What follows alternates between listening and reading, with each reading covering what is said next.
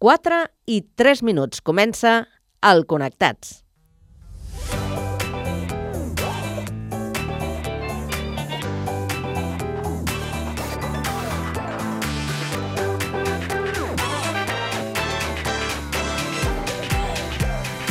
Connectats amb Carme Reversa.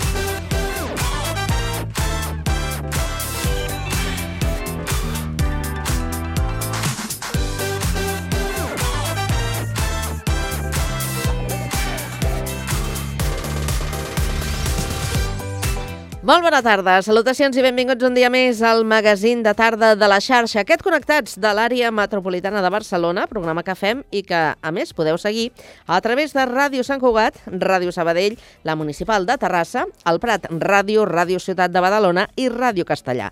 Una salutació de tot l'equip conduït a la part tècnica per Pablo Palenzuela i de qui us parla, Carme Reverte. Avui és dilluns 15 de gener i volem saber quin temps ens espera aquesta tarda. Lluís Mi Pérez. Els núvols continuen sent els dominants, però ben poca pluja. Arribaran a deixar algunes gotetes, s'escaparan al llarg de les immediates hores per les comarques de Ponent, les de l'Ebre arribant fins a la Catalunya central o fins i tot les comarques barcelonines, però molt poca aigua. Remarquem, al llarg de la tarda i del vespre, els núvols més gruixuts s'aniran retirant cap a les comarques de Girona i del Pirineu, on també s'hi espera alguna feble pluja o nevadeta a l'Alt Pirineu, a cota alta, 2.200-2.300 metres. I aquesta tarda una mica de vent de ponent que serà més intens a les comarques de Tarragona. Les boires que hi havia cap a Lleida s'acabaran aixecant però no desfent del tot. I l'ambient agradable, sobretot arran de mar i a les comarques de l'Ebre, on arribarem a fregar els 20 graus de màxima. Demà tornarem a tenir boires matinals a les comarques interiors i la tarda tornarà a ser molt suau, sobretot a les Terres de l'Ebre i les comarques de la costa i prelitoral. Us seguirem a la xarxa.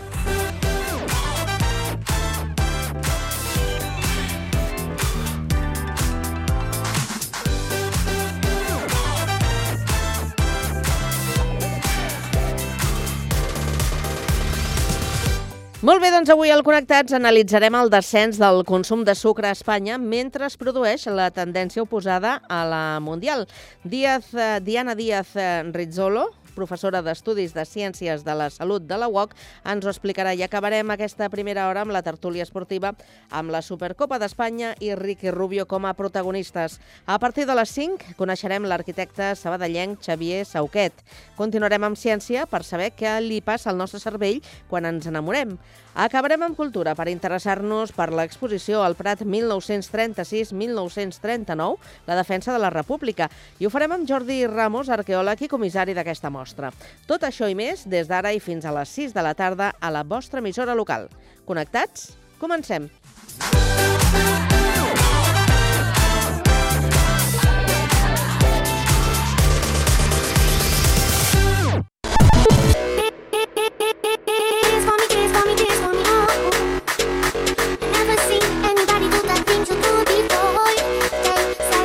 Connectats, una experiència radiofònica a Sabadell, Terrassa, Sant Cugat, El Prat, Castellà i Badalona.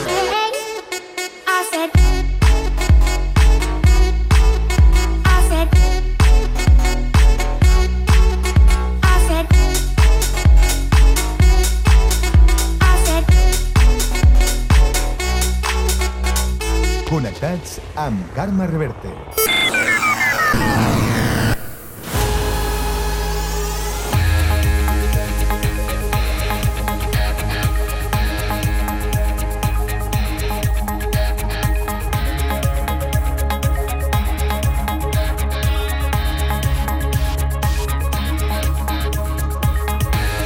A les 4 i 7 minuts ens actualitzem, ho fem amb la ronda d'actualitat, que un dia més obrim per Terrassa. Sergi Estapé, bona tarda. Bona tarda, el tema Estic prou bé, de la cantautora terrassenca Mabel Flores, és una de les tres cançons finalistes per posar la banda sonora a l'edició del 2024 de la Volta Ciclista a Catalunya. D'entre la vintena de propostes que optaven a guanyar el concurs i Cat Volta han arribat a la fase final a més del tema de la cantautora terrassenca, aquests dos altres senzills. Un és Tota la vida, d'Igloo, un duet format per Mark Hampshire i Marc Jalabert, i l'altre és La bicicleta de Solà en Copape amb Shala Beats. La guanyadora la triaran els oients mitjançant votacions. Es pot votar fins a demà 16 de gener aquesta cançó que donarà imatge sonora a la propera edició de la Volta que se celebrarà del 18 al 24 de març i també a la Volta femenina. La guanyadora es farà pública demà a les 10 al programa dedicat als experts. Entre tots els participants se sortejarà una invitació doble per al Festival Cruïlla 2024 i el mallot firmat pel guanyador de la volta de l'edició de l'any passat, l'eslové Primoz Roglic. Gràcies, Sergi. I ara seguim el repàs des de Sabadell. Pau Duran, bona tarda. Bona tarda. Rècord anual de viatgers a les 5 estacions de ferrocarrils de la Generalitat a Sabadell. En conjunt han superat els 4.500.000 usuaris, el que representa un augment de la demanda del 25,3% en relació al 2022. Sabadell Plaça Major és la parada que experimenta un número més alt de viatges i ha tancat l'any amb més d'un milió i mig de passatgers. L'increment de la demanda coincideix amb l'entrada en servei de les noves freqüències de la línia S2 Sabadell dels catalans. El 9 de desembre es va complir el primer any amb l'augment de les freqüències en marxa, un dels factors que explicarien la millora dels registres de les cinc estacions de ferrocarrils a Sabadell. Si més no, així ho apuntava en una entrevista al desembre passat a aquesta emissora el president de la companyia, Antoni Sagarra. Un uh, servei que utilitza cada cop més gent, que els trens van menys plens que abans, evidentment hi ha més freqüència, que encara dona dins de la um, fiabilitat que té Ferrocarrils, encara dona més fiabilitat i per tant nosaltres el considerem un, un, un èxit. Per cert, no només va ser a posar més freqüències, sinó, sinó posar més freqüències perquè trens nous, i els trens nous sempre són millor que els trens menys nous. En conjunt, les cinc estacions sabadellenques han crescut en usuaris respecte de l'any 2022. La que més ho ha fet ha estat la de Sabadell Nord, seguida de Sabadell Parc del Nord. Gràcies, Pau. I ara seguim des del litoral i des de Badalona, concretament. Andrea Romera, bona tarda. Bona tarda, Carme. La unitat de Covid persistent de l'Hospital Germans Trias i Pujol ha atès més de 2.000 persones des que es va posar en marxa el 2021. Des de la unitat assenyalen que la recerca se centra en dos àmbits específics. D'una banda, estudiar la malaltia per arribar a entendre-la millor i de l'altra, una línia d'investigació orientada al tractament del pacient. De fet, un estudi recent d'un grup de científics d'Amsterdam ha descobert que el cansament dels malalts amb Covid persistent s'associa a una causa biològica que afecta la musculatura. Segons Lourdes Mateu, coordinadora del servei, es tracta d'una prova pilot inicial que s'ha portat a terme amb un grup reduït de persones, però ho qualifica com un gran pas en l'àmbit de recerca. L'escoltem. Hi ha afectació amb la mitocòndria, que és la fàbrica d'energia dels músculs i això amb un subgrup de pacients que tenen cansament post-exercici. No tots els pacients es comporten igual, tenen els mateixos símptomes ni tenen la mateixa evolució. I amb aquest grup de pacients eh, hi ha aquestes alteracions. Això ho han fet amb un grup petitet de 25 pacients i s'hauria de veure amb cohorts, no? amb estudis una miqueta més grans. Mateu admet que ara mateix la llista d'espera és llarga i en aquest sentit recorda que és bàsic el treball i la coordinació conjunta amb l'atenció primària. Des de l'hospital asseguren que queda molta feina a fer, ja que encara existeix molt desconeixement sobre aquesta patologia, tant en personal sanitari com en la població general. Gràcies, Andrea. Seguim encara al litoral, des del Prat de Llobregat. Rocío Santa Eufèmia, bona tarda.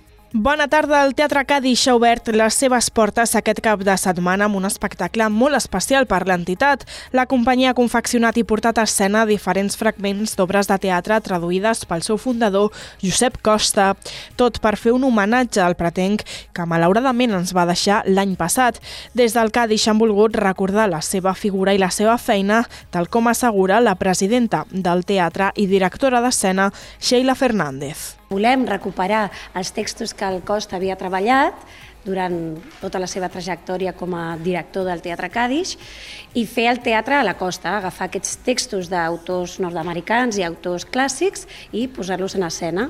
Ens semblava una, una manera molt bonica de trobar-nos fent allò que ens uneix, que és fent teatre, no? I poder, doncs això, compartir, també transmetre la figura del Costa per la gent que no l'ha conegut i que no ha tingut la sort de treballar amb ell i poder transmetre tot l'amor i tot l'admiració que tenim per ell. L'espectacle Fer Teatre Costa ha constat de vuit fragments d'obres traduïdes per Josep Costa que han estat dirigides i interpretades per diferents sòcies i alumnes de l'entitat. Gràcies, Rocío. Tornem al Vallès i ara ens quedem a Castellà. Guillem Plans, bona tarda. Bona tarda. Castellà del Vallès és un dels 140 municipis catalans que es considera que tenen un mercat tensionat i que, per tant, el preu del lloguer es limitarà. El Ministeri d'Habitatge s'ha compromès a publicar l'índex de referència dels preus del lloguer d'acord amb la Generalitat, fet que possibilitarà aplicar l'esmentada licitació, una proposta que portava mesos encallada i eina amb què es volen contenir els preus d'un mercat que, en el cas de Castellà, allà és molt complex per manca d'oferta i per la tipologia d'habitatges del municipi. Gràcies, Guillem. I abans de marxar un repàs a l'actualitat eh, de Sant Cugat marcada per la crònica esportiva. I és que el primer equip masculí del Club Rugby Sant Cugat ha guanyat 23-62 al camp del Toro Mallorquí i jugarà la fase d'ascens a Divisió d'Honor, màxima categoria estatal. Els de Martín García competiran amb els nou millors equips de la Divisió d'Honor B i els quatre primers classificats accediran a les semifinals i a la final. El campió puja i el subcampió disputa una promoció d'ascens contra el penúltim classificat classificat de la Divisió d'Honor. Els sancoatencs tindran com a rivals el València, la Vila, el Guetxo, el Liceu francès, Màlaga, les Rozes i dos rivals encara per confirmar. El rugby Sant eh, va sortir molt endollat en el partit d'aquest cap de setmana i al minut 11 ja manava per, 9 a, per 0 a 19. La superioritat dels sancoatencs eh, es va fer evident amb el pas dels minuts. La mitja part assenyalava un eh, destacat 9 a 29. A la represa el Toro va reaccionar i es va apropar en el marcador amb un 16-23, però els santcugatencs no van donar cap opció a la sorpresa durant situant el marcador en un 23-62 definitiu. El tècnic Martín García resalta la bona feina feta per l'equip en aquesta primera fase del curs. Contentos, la verdad, por, por la clasificación. Era realmente uno de los primeros objetivos, mejorar lo, de, lo del año pasado. Eh, Así que un primer paso, eh, la segunda etapa va a ser muy dura, el fin de semana que viene es libre, eh, ocho partidos muy, muy duros. Els santcugatencs van arribar la temporada passada fins a semifinals, on van topar amb l'Alcobendes, que finalment acabaria pujant a Divisió d'Honor. L'objectiu és tornar a repetir aquesta fita per intentar cercar la final.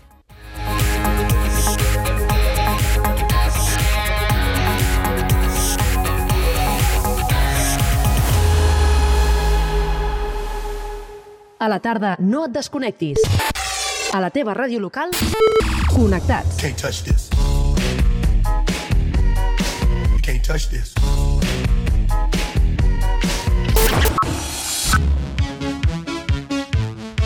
Can't touch this. Can't touch this. Connectats amb Carme Reberte.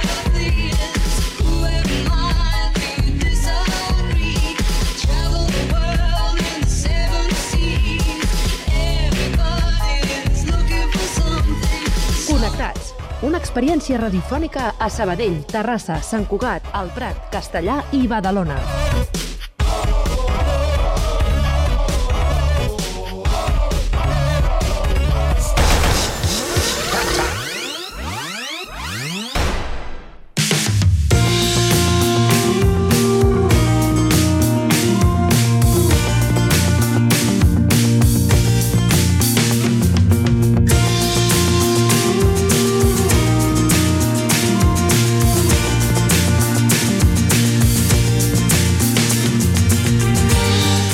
El consum de sucre a Espanya continua baixant mentre que la resta del món augmenta.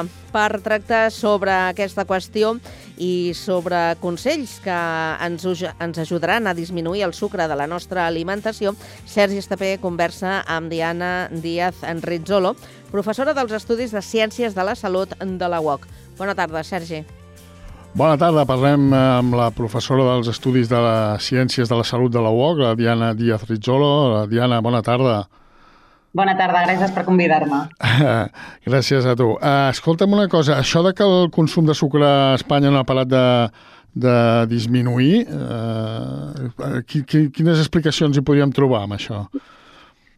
Doncs mira, realment eh, són dades que nosaltres no hem creat, sinó que ens les han donat d'alguna manera eh, i a mi també m'ha sorprès. En, de primeres, t'haig de dir que després donant-li una petita volta he pogut entendre potser el per què uh, d'aquesta disminució del consum de sucre. Crec que hi ha dues variables molt importants. La primera és que tenim una població que cada vegada està més informada i això és també gràcies a mitjans de comunicació com vosaltres que doneu veu a, doncs això, a professionals sanitaris, a científics que, que podem problemes que comporta el consum de sucre. I eh, s'està establint cada vegada de forma més ferma els semàfors nutricionals. Són aquests eh, colors i lletretes que s'assignen en els eh, aliments que estan processats dintre dels eh, supermercats per saber eh, si són millors o pitjors en comparació a un homòleg de, del seu grup d'aliments. I el tema és que per aconseguir una millor puntuació dintre d'aquest Nutri-Score, mm -hmm. eh, el disminuir una miqueta la quantitat de sucre també és important, per lo qual la indústria alimentària també ha hagut d'ajustar-se una miqueta a aquestes noves recomanacions. Ojo, perquè això no vol dir que l'aliment sigui de cop i volta un aliment supersaludable. Eh? Vol dir que hem disminuït una miqueta la quantitat de sucre. Uh -huh. Parlaves d'aquestes dades de la plataforma estatista que parlen d'això, que el consum de sucre va superar lleugerament els 145 milions de quilograms, que era una xifra molt similar a la de 2019. Però, si marxem a escala mundial, la tendència és just la contrària, no? Eh, I es parla mm. que la temporada 2022-23 es va assolir un consum d'uns 176 milions de tones mètriques, que representa un increment de 2,4 milions respecte a la quantitat ingerida l'any anterior. Per què aquí hem baixat i a, i a fora? O no sé si hi ha alguna explicació. Bueno, tenim una... Ens hem de ficar un pin d'haver començat a fer les coses bé, no? I aquí hem començat a implementar polítiques nutricionals cada vegada més estrictes. No vol dir que estiguem fent-ho perfecte, perquè ens queda molt de camí per recórrer encara, però sí que estem fent pues, això, polítiques nutricionals eh, que protegeixen més els menors, polítiques nutricionals que eh, beneficien a empreses que disminueixen la quantitat de sucre afegida. El problema que ens trobem sempre segueix sent el mateix, i és que el consum d'aliments, majoritàriament a dia d'avui en els eh, països desenvolupats, s'està fent a partir d'aliments processats. Què vol dir això? Que hem desplaçat els consums d'aliments frescos i naturals, com les llegums, les verdures, les fruites, el peix, etc, per aliments que poden ser mínimament processats, però ho són. Llavors, tot això condiciona que eh, necessitem una població que sàpiga llegir etiquetatges nutricionals, que entengui eh, la complexitat de eh, què vol dir una, quan un sucre és afegit o quan un sucre és naturalment present, i això és realment molt complex i no s'està aconseguint a escala mundial. Mm -hmm. El que està molt clar és que el consum de sucres afegits eh, eh, pot provocar doncs, molts problemes de salut, no? o, o, o diversos. No? Quins serien els mm -hmm. més, els més eh, importants o els, més, els que més ens han de preocupar? Doncs mira, principalment sabem que el sucre és un, una de les fonts més potents d'aports eh, calòrics. Què vol dir això? Que quantes més calories consumim, major sobrepès i obesitat desenvoluparem. I, i de per se, l'obesitat en si comporta molts problemes de salut que ja coneixem, però el consum de sucre, independentment d'aquest sobre, sobrepès i obesitat, està relacionat amb problemes cardiovasculars i cardíacs, eh, eh, diabetis tipus 2 i resistència a la insulina, problemes de fetge gras, que també són molt importants, i bueno, altres problemes com poden derivar de càncer, diferents tipus de càncer i fins i tot, i no menys important, les càries dentals, que també estan molt relacionades. Algunes d'aquestes patologies, el problema és que es van gestant, no? Van, van, es van gestant durant els anys i potser eh, de més joves no els hi donem importància, però després, quan apareixen, és quan correm-hi tots, no? Exactament. De fet, el gran problema que tenim és aquest, no? La, els anys que permaneixen latents en silenci, gestant-se a poc a poc, que, a més a més, tot i que avancem en ciència, som incapaços de trobar molècules o biomarcadors, com els diem nosaltres, que ens ajudin a identificar casos molt, molt, molt eh, temprans no? d'aquestes des desenvolupaments de les patologies. Jo sempre recordo, quan era adolescent, tenia un amic eh, que em deia però és que jo da igual lo que comas, si, si mírame, estoy perfecto. I jo en aquell moment pensava, és que té raó, si és que està perfecta. El que passa és que no sabíem que eh, aquests estils de vida poc saludables que portava, a dia d'avui, que ja té 30 i pico anys, eh, sí que estan eh, començant a. A aparèixer. Clar. Parlaves de la diabetis tipus 2, potser és la més, el perill més gran o, o, o perquè és, bueno, és una malaltia, com dèiem, que va, va apareixent a poc a poc, però eh, clar, quan ets més gran o tens més edat, encara és, el risc és pitjor, no? Doncs sí, eh, un dels grans problemes que tenim realment amb la diabetis tipus 2 és que, bueno, actualment la, la prevalença a Espanya és de gairebé, si no recordo malament, és un 14% eh, de la població, però el mateix percentatge el tenim amb, amb població que té prediabetis, que és a dir, que estan en aquest estat anterior a desenvolupar diabetis tipus 2. És a dir, que els, les xifres aniran creixent i creixent a, a, a mesura que anem avançant els anys. I la diabetis tipus 2 per si, que és aquesta que desenvolupem eh, gràcies a hàbits poc saludables durant eh, molts anys de la nostra vida i és habitualment apareixen amb, doncs, amb gent això que comporta estils de vida poc saludables, d'edats més avançades, però que sorprenentment ja comencen a aparèixer els més petits de la casa. I és que ja tenim eh, xifres d'obesitat també molt elevades en les poblacions infantils espanyoles eh, i comencen a aparèixer els primers, els primers casos de diabetis tipus 2 en nens, que ja, a més, pues, eh, és, una, és una alerta molt important. La diabetis tipus 2 eh, comporten molts problemes de salut, però els més importants eh, es relacionen normalment amb problemes cardiovasculars. Eh, augmenta per dos, bueno, es multiplica per dos el risc de patir qualsevol tipus d'esdeveniment cardiovascular quan tenim una diabetis tipus 2. I, i els, adulc, eh, els adulcorants, Diana, eh, o sigui, fan les funcions o també poden ser perjudicials pel cos? Mira, amb els edulcorants tenim com una guerra d'anades i tornades, no? Ara diem que estan bé, ara diem que no. Eh, crec que hem de deixar d'intentar endemoniar-los o venerar-los, no? Que és el que sempre tendim a fer -huh. quan surt una nova recerca sobre un aliment. Eh, el que sí que tenim molt clar és que són segurs. I què vol dir segurs? Que no són tòxics eh, a les quantitats en les que estem eh, acostumats a, a consumir. Llavors, en aquest cas, són segurs. Que provoquin o no problemes metabòlics, hormonals, eh, organolèptics a llarg termini a les persones, no ho tenim tan clar. De fet, eh, la recerca segueix sent una mica contradictòria respecte a això. Eh, hi ha gent, bueno, hi ha, hi ha gent no, hi ha, hi ha grups de recerca que han pogut veure que el consum d'edulcorants sí que té un efecte, per exemple, sobre la microbiota intestinal, eh, però, per exemple, sembla que no té un efecte en, en el tractament de la diabetis, però el que sí que tenim molt clar és que eh, aconseguim fer alguna que no ens interessa, que és mantenir el llindar del dolçor molt alt. És a dir, uh -huh. si jo estic acostumat a prendre un cafè amb llet cada matí que li fico sucre, eh, tindré, una, tindré una sensació de que aquest cafè és dolç. Uh, si jo passo del sucre als edulcorants per mantindre'm en els edulcorants de per vida, no? és a dir, jo he fet un canvi i ara ja consumiré edulcorants, no estem modificant aquest llindar del dolçor. I això vol dir que la resta d'aliments que vulgui consumir també tindran que tenir un sabor suficientment dolç perquè jo pugui notar la dolçor d'aquest aliment. Uh -huh. Llavors, el, la meva recomanació sempre és que el consum d'edulcorants sigui com un pas intermig entre el consumir, eh, el consumir habitualment sucre i el deixar de consumir absolutament res i consumir aliments que siguin naturals. Per què? Perquè moltes vegades no fem la reflexió i és que si nosaltres necessitem afegir sucre o edulcorants a les maduixes o a la taronja per poder menjar-la, és que potser no ens agrada el sabor d'aquest aliment. Per la qual és més senzill que deixem de consumir-lo, que no haguem d'afegir sí o sí algun tipus de eh, edulcorant o sucre per poder notar el sabor dolç per consumir-lo. No sé si m'he explicat, eh? Sí, sí. Bueno, de fet, eh, eh, per exemple, en el cas dels iogurts en venen de ja amb edulcorant incorporat Ah, exacte, exacte. I és, I és un tema important perquè al final tampoc moltes vegades no acabem d'identificar el sabor natural dels aliments. Jo crec que la primera vegada que vaig provar un, eh, un iogurt natural em vaig sorprendre de que era àcid i no, no, em, no em desagradable, no, no era una que em semblés desagradable, és que simplement mai l'havia catat. Uh -huh. I això és algo que és molt important i passa molt no, a la nostra població. I és començar a acostumar-nos una mica a aquests sabors, perquè, a més, a la llarga tornem a reeducar el nostre paladar i comença a identificar sabors que poden ser totalment dolços, eh, que ara mateix, com tenim un llindar tan elevat, no som capaços d'identificar. Jo, la veritat, perquè jo sóc consumidor de iogurt sense sucre des de sempre i animo mm -hmm. la gent que, que, que faci aquesta experiència, com deies, per notar que és, que és ben bo també sense sucre.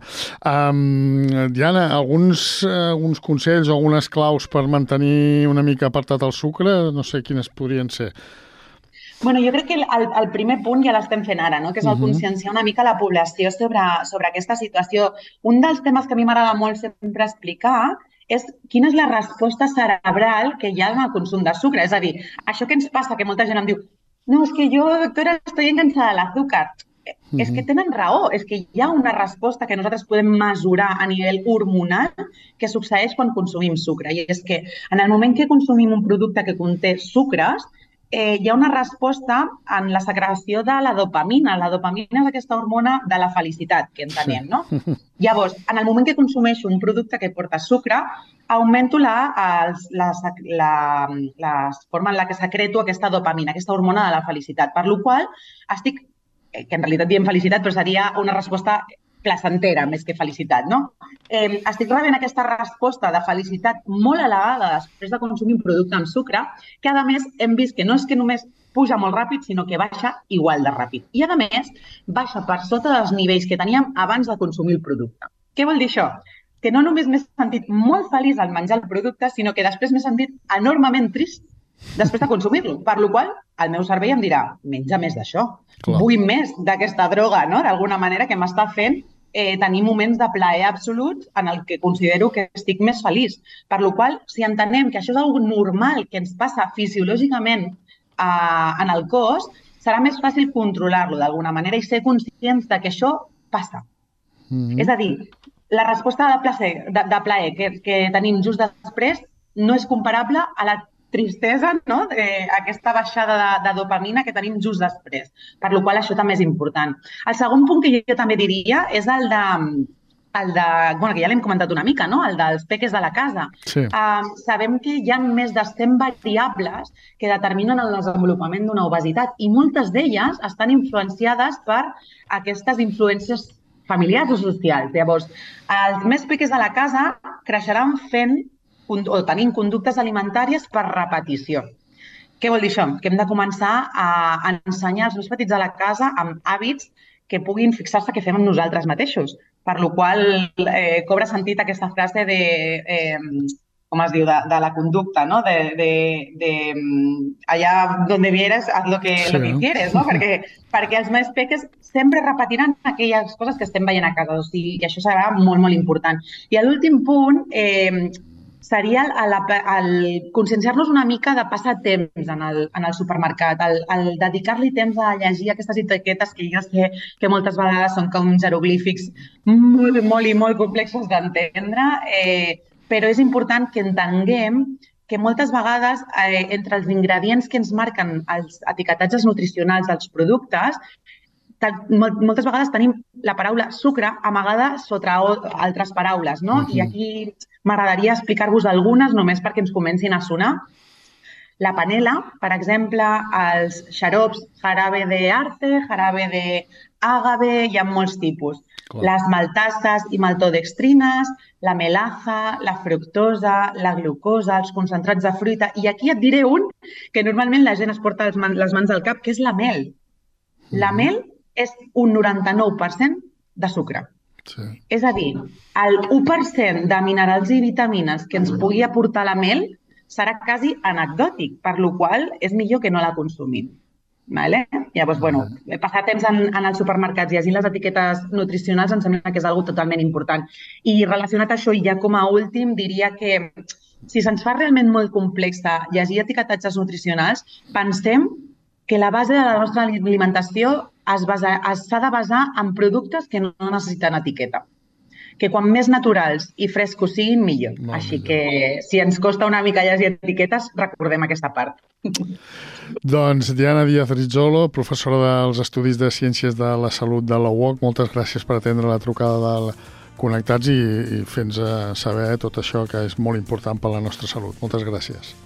Gràcies a vosaltres perquè, sobretot, com deia, era important donar-li veu a, a, doncs això, a informació certera i que, sobretot, arribi el missatge a la població general. O sigui que gràcies a vosaltres. Bona tarda.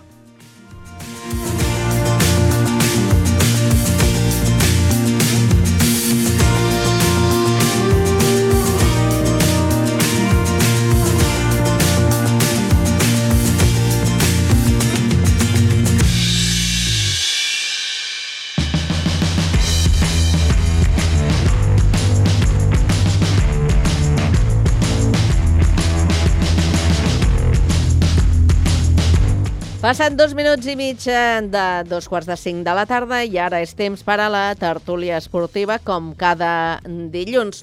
Un dilluns de ressaca després eh, de la disputa del primer títol de la temporada, un títol que ja s'ha notat al Real Madrid i que, doncs, eh, tot i l'anel i les opcions que podien veure alguns eh, barcelonistes al Futbol Club Barcelona, doncs s'ha quedat eh, res en un somni esvaït. Avui en parlem d'això i d'altres qüestions. Ho farem amb el César Martínez, que és periodista i avui ens acompanya a l'estudi de Ràdio Sant Cugat. César, bona tarda. Bona tarda, Carme.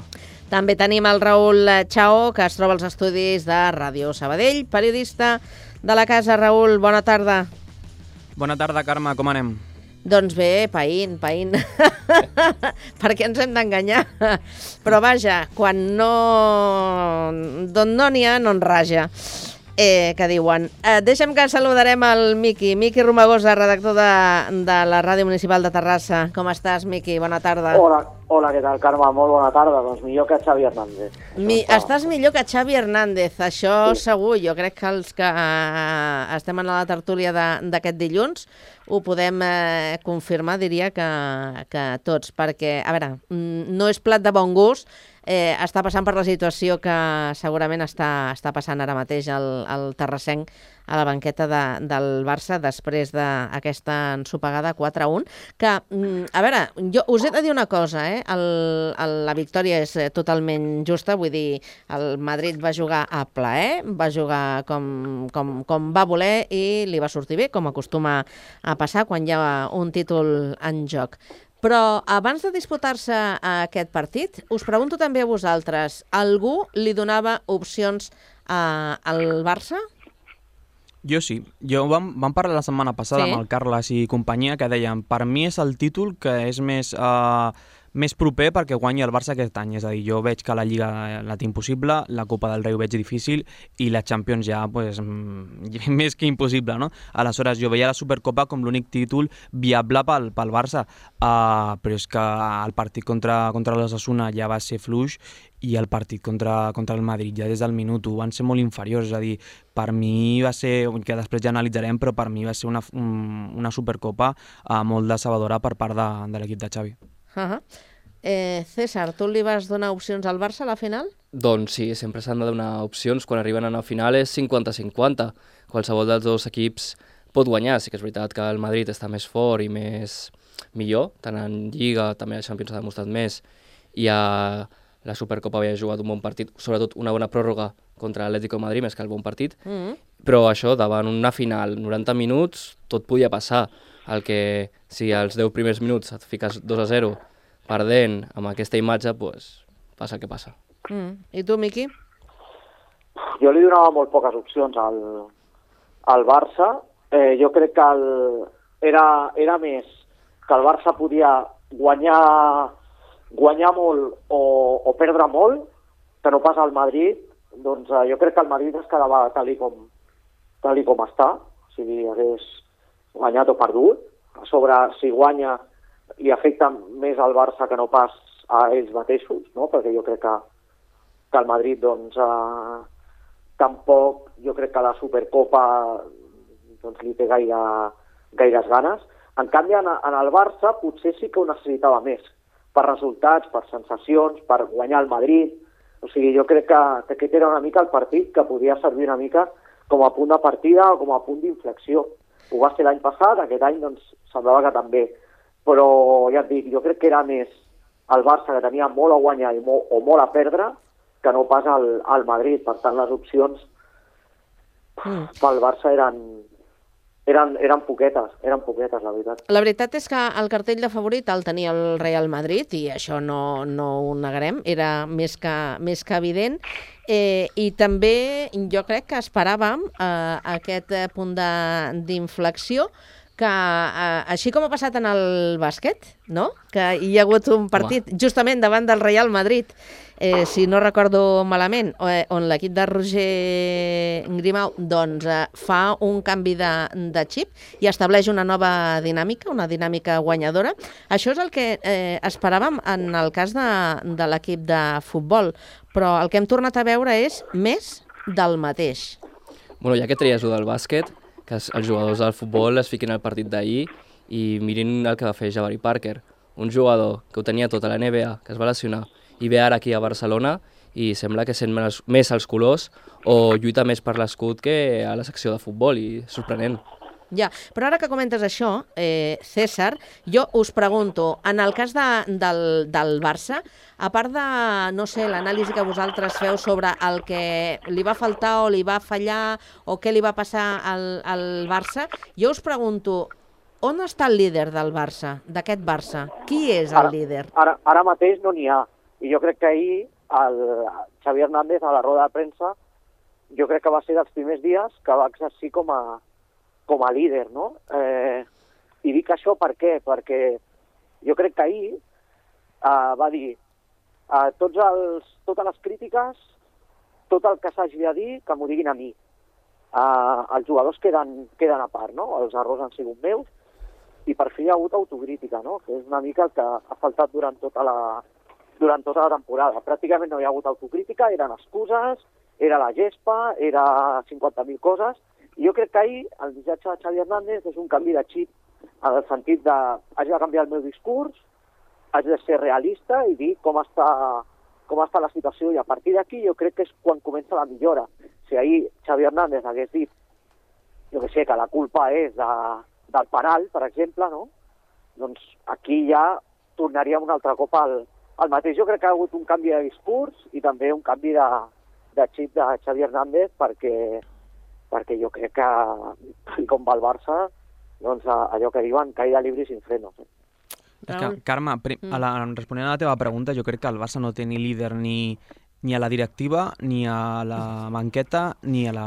El problema és camp. gros. És a dir, té un problema gros, és a dir, veia una enquesta a Twitter uh, que deia qui, és, qui té més culpa, la directiva o, o a la banqueta?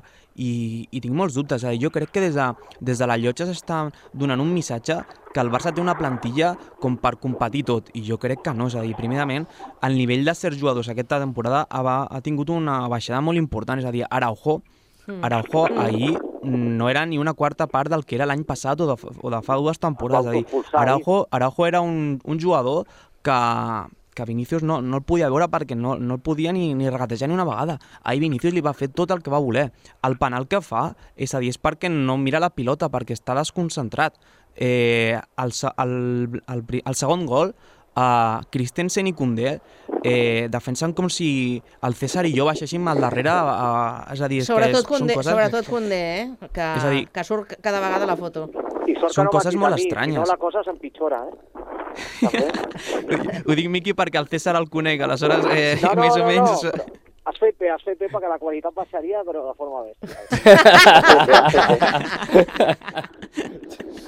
I ales- aleshores, uh, si acostumes tot això, més que Lewandowski, que fa, ahir fa un golaç um, de traca de mocador, però que no està bé, uh, Joao Fèlix no està bé, i el que sent els colors, que entra des de la banqueta, que és Fermín, és l'únic que sap fer una falta, que sap donar aquesta entrega del que feia Gavi, uh, fa, fa patir i molt i sobretot perquè aquesta setmana el Barça uh, visita el Benito Villamarín diumenge i dijous ha de jugar contra l'Unionistes Uf. que va, ja va eliminar el Villarreal. Dir, Venen amb ganes, eh, unionistes. Hombre, tu diràs... L'últim primera federació que queda viu anirà per totes a sobre casa. Té gràcia jugar-t'ho tot amb un equip que es diu Unionistes, eh? Tal com està ara el Barça. Bueno, va guanyar, l'Unionistes va guanyar el Johan fa, fa poc, és a dir, 0-2, i és un equip que, que pot mm, donar la sorpresa de nosaltres el Sabadell el- li van guanyar abans, de, abans del Nadal 1-0 i és un equip que sobretot té un, està en bloc baix eh, és un equip que pot donar la sorpresa és a dir, si el Barça no surt al 100% eh, pot, pot patir Home, I no després, pressió. després de veure el que ha passat a la Supercopa, de veure, de veure la trajectòria que porta aquesta temporada al Barça, com no s'han de creure que poden eh, guanyar un equip com, el, com el de Xavi Hernández? I a sobre tindran darrere tota, Sa- tot Salamanca amb ells. Ja veus. O sigui, els jugadors aniran volant i a sobre, com va, has dit, Raül, que el Sabadell va guanyar una primera federació que és tan complicada, en equips molt forts, una sorpresa contra un primer ja quasi no és ni sorpresa, és una opció real.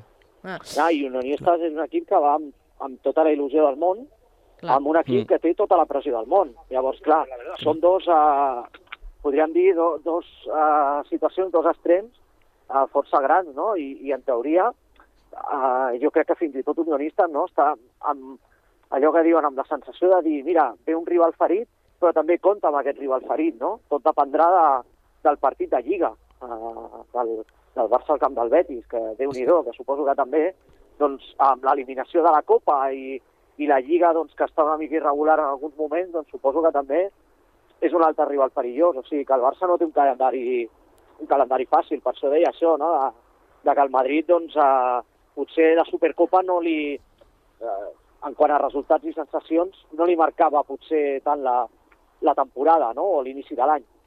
Mm. És que, Carme, ara, uh, mirant el calendari aquest, és que uh, el Barça, ara, el, el seu objectiu d'aquesta temporada ha de ser, sí o sí, ficar-se a Champions. És a dir, perquè uh, és una classificació de 5 equips, perquè l'Atlètic Club ha tirat la porta a terra d'una manera molt bèstia les últimes setmanes. I amb Valverde. Uh, el, i amb Valverde, que això eh, fa, que fa més. se'l va fer de la huerta. A Valverde que se'l va fer fora per no anar bé en Lliga, bueno, anava líder en Lliga i per perdre la Supercopa. Exacte. Sí, són situacions diferents, I- però o molt semblants, també. I perquè segons els, uh, els inventors de, del cruifisme i del guardiolisme que no practicaven a, el seu joc i el que deien, consideraven que era els, el, el creador també, i mira, Xavi, que és a dir, uh, eh, al final és millor a vegades estar més callat i treballar, treballar, treballar i ja sortirà, però és a dir, si Guardiola eh, pogués parlar mm, clar i català, jo crec que Xavi veuria bastant el que no estan fent les coses. Clar i català parla sempre amb Pep Guardiola. Si no ho fa, mm, deu tenir els seus motius, no? Suposo Exacte, que no, exacte. no, que no perjudica a, a un col·lega, a un company. Eh, per cert, eh, sí que m'agradaria parlar de la figura de, de Vinícius, que si bé futbolísticament doncs, eh, no se li pot negar la, la qualitat, sí que s'ha de posar en entredit eh, els, eh, els valors, el seu comportament, aquest eh, jove, aquest noi maleducat, eh, entremaliat, que hi ha una frase en una, en una notícia publicada a, a la premsa que deia, diu, ja pot guanyar el Premi Sòcrates el futbolista més solidari, que l'esportivitat de Vinícius està molt lluny de la seva qualitat eh, futbolística. I és que li agrada furgar en la ferida, li agrada provocar i després també li agrada fer-se la, la víctima. Jo no sé si té remei aquest Vinícius. Jo crec que això ve de caràcter, és a dir, uh, després del partit a la roda de premsa diu una cosa de que ho intento però mm, com a, a vegades m'equivoco i he d'intentar ser una lliçó pels nens, no? I per mi ahir es torna a equivocar, és a dir, està fent un partidàs brutal, és a dir, està fent el que està volent, jugant al futbol, que és el Mhm. que s'ha de centrar, i després, a la mínima, a la mínima que, que pot, es gira cap a la banqueta, fa, fa gestos, és a dir, són coses que no fan falta, és a dir, i a més guanyant, guanyant com estàs guanyant, és a dir, és com quan Araujo fa el, el, amb els dits a, a, al 2 quan, al camp de l'Espanyol, és a dir, que el Madrid i Barça, és a dir, els jugadors del Madrid i del Barça, el que han de fer és centrar-se en jugar i ja està, és a dir, uh, ja tenen suficients uh, mm, coses a dir i a més tenen el beneplàcit de tots els àrbitres a dir és que el que han de fer és centrar-se en jugar i deixar els rivals que, que juguen al pa de cada dia. Mm. Alguna cosa més a dir, vosaltres? ahir Ancelotti ahir va, tirar, va, va llançar alguna, alguna frase en roda de premsa dient sí. que el tema de los caños i aquestes coses no m'agraden, eh? O sigui, que compta que va deixar clar que hi havia coses que no li agradaven, eh? D'algunes actituds. O sigui, que això és un missatge, eh? Home, i jo fos Angelotti tampoc no m'agradarien. Ja, però si el que diu que el que no li agrada és fer, fer tacones i canyos, que és lo bonic i lo que fa Vinícius, tampoc se li ajuda. Se li ha d'ajudar dient-li que el que no pot fer és bueno, els gestos que va fer cap a la banqueta con el canviant, si no estic equivocat. Va ser al moment. Sí, fent el Però, resultat bueno, de 4 a 1. Sí, al, al final això algú haurà de parlar amb ell i entrarà, però jo crec que a nivell de joc de les tacones, això que diu Ancelotti, no estic d'acord. No, el que està dins de la professió, el que està dins del propi joc Això. de, fu- de, del futbol no, no seria recriminable. Bueno, però se'l recrimina també. Va. Però jo, jo, crec que es refereix perquè era una jugada que Bellingham va fer un, una jugada d'aquestes de, de tacó perquè era l'únic recurs que podia fer i Vinícius va fer el tacón com el que feia Neymar que era per Exacte. com una espècie de, de xulejar, Sí. és a dir, que, que no Sí. feia falta, és a dir, que estàs guanyant 4 a 1, passa la bé i ja està, és a dir, que era més, més que res per això i Ancelotti, que és de la, de la vella escola, eh, li va fer ràbia perquè considera que això no, no s'ha de fer i és que si Vinícius fes més cas al seu entrenador, jo crec que una altra cosa canviaria. Bé, el que no pot eh, pretendre, i molt hauria de, de canviar en la seva actitud, és ser un exemple per als nens. Per qui no? Per qui segur que no, Vinícius. Uh, va, va, va equivocat si, si pensa això. Eh, per cert, uh, Raül, al final el tema de la compra dels italians, res, no? Bye bye, és a dir, arrivederci. Ciao, és a dir, ciao. ciao, ma- mai millor dit, eh? eh? Però bueno, els, des de que va sortir tot això, el Sabadell ha guanyat dos partits seguits, estem començant a, a Ah, veure el mira. sol, i així que uh, estem de tornada, Però com encara en descens, eh, Raül? Sí, Recorda-ho. però bueno, mica en mica, ja estem a 4, és a dir, mica en mica s'omple la pica, així que... Està bé, està bé, està bé. Hagués, hagués quedat com d'acudit, perquè tu imagina, el Terrassa és d'un d'un empresari grec, el Sabadell d'un italià, o sigui, hagués quedat com un acudit, això, pràcticament. Buscarem un pel Sant Cugat, a veure què. Estaria bé, estaria bé. Estaria bé. Mare meva. Mira, parlant de Sant Cugat, és a dir, ja ho, ho vam dir la setmana passada, però a mi dijous m'agradaria, i crec que s'ho mereix molt més que altres jugadors, que veure a Pau Víctor de titular. És a dir, Pau Víctor és un jugador de, de primera divisió, eh, el coneixem bé a Sabadell per l'any passat, a primera federació aquest any amb el Barça Atlètic és el millor jugador del llarg de, de la plantilla. Sé que no té tant mar màrqueting com altres jugadors per raons X, però Pau Víctor per mi és un jugador de primera divisió i m'agradaria veure'l molt uh, aquest dijous contra, contra l'Unionistes. Sí, però és complicat que jugui de titular al primer equip perquè el ser jugador cedit pel Girona... Eh, No, el compren, el compren segur. Ja segur? Per, per, fer, per fer calaix, és a dir, el compren perquè Vale. té, crec que és una compra d'un milió i vindrà Vale, qualsevol ja club, no pagarà sabia. 4 i...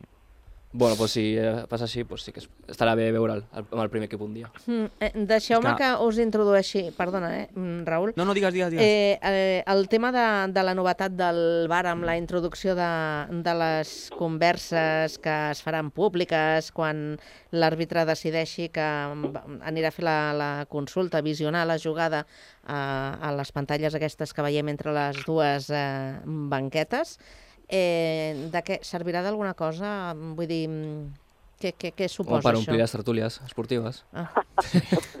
sí. No ho sé. Per omplir els minuts. Sí. No sé si És que, servirà. Digues. A la NBA, a la NBA fan una cosa que és quan un entrenador demana un challenge, que és quan demana la revisió d'una jugada, que cada entrenador té dos, si, el, si guanyen el mantenen i si perden, doncs perden el challenge. Uh, quan acaba la revisió de l'àrbitre, explica amb un micròfon a tot l'estadi la decisió que ha pres, a dir, he rectificat o he mantingut la decisió per això, això i això.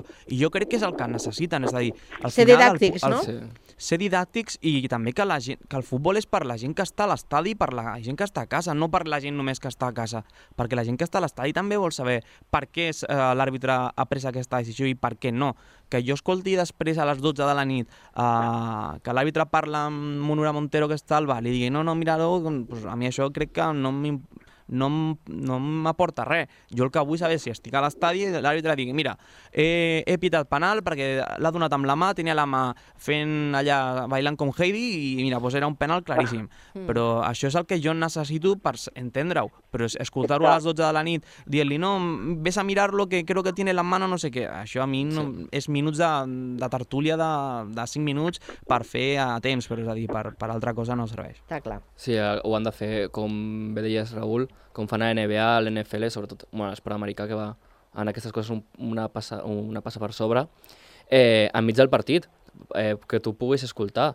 Segurament no estaràs potser d'acord per si és el teu equip o estaràs en contra, però jo crec que poder escoltar el Monera Montero, per exemple, com bé deies, eh, dir pito que és penalti perquè l'ha ficat una entrada, és necessari avui dia, quan pocs esports no ho fan en retransmissions televisives, perquè ja el bàsquet ho fan aquí, i no sé, Mm. una mica diferent, però a la, a la, al hockey herba, quan hi ha bar a les competicions més grans, s'escolta a l'estadi. I per què el futbol no? Que és l'esport com més important aquí, no ho sé. Mm. No, t'argumenten la jugada, al- al- ara que parlàveu del hockey, O sigui, el hockey eh, t'argumenten la jugada, a més eh, la imatge o el vídeo es veuen en el videomarcador i tu pots veure, l'afició la, pot veure doncs, l'acció en concret i, i jo crec que això ha de servir, el que passa és que no ho serà perquè té tota la pinta de que eh, dintre d'emetre les converses s'emetrà segurament doncs algunes coses, no tot.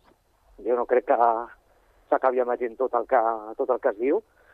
I això el que es convertirà és això en una, en una opció més no? per les tertúlies i després també eh, una mica continuar l'espectacle que estem veient de tots els mitjans de comunicació que tenen un àrbitre i que aquest àrbitre, doncs, cadascú diu la seva, i no hi ha unificació de criteris ni amb les mans, ni amb els penals, ni amb moltes coses, no? O sigui que, no sé, jo crec que és un element més de tertúlia, que tothom ho demanava, i quan es parli més del que es diu al bar que no el que passa al terreny de joc, és que tenim un problema força gran, no? Que és que la Lliga, en quant a joc i en quant a vistositat, no té gaire.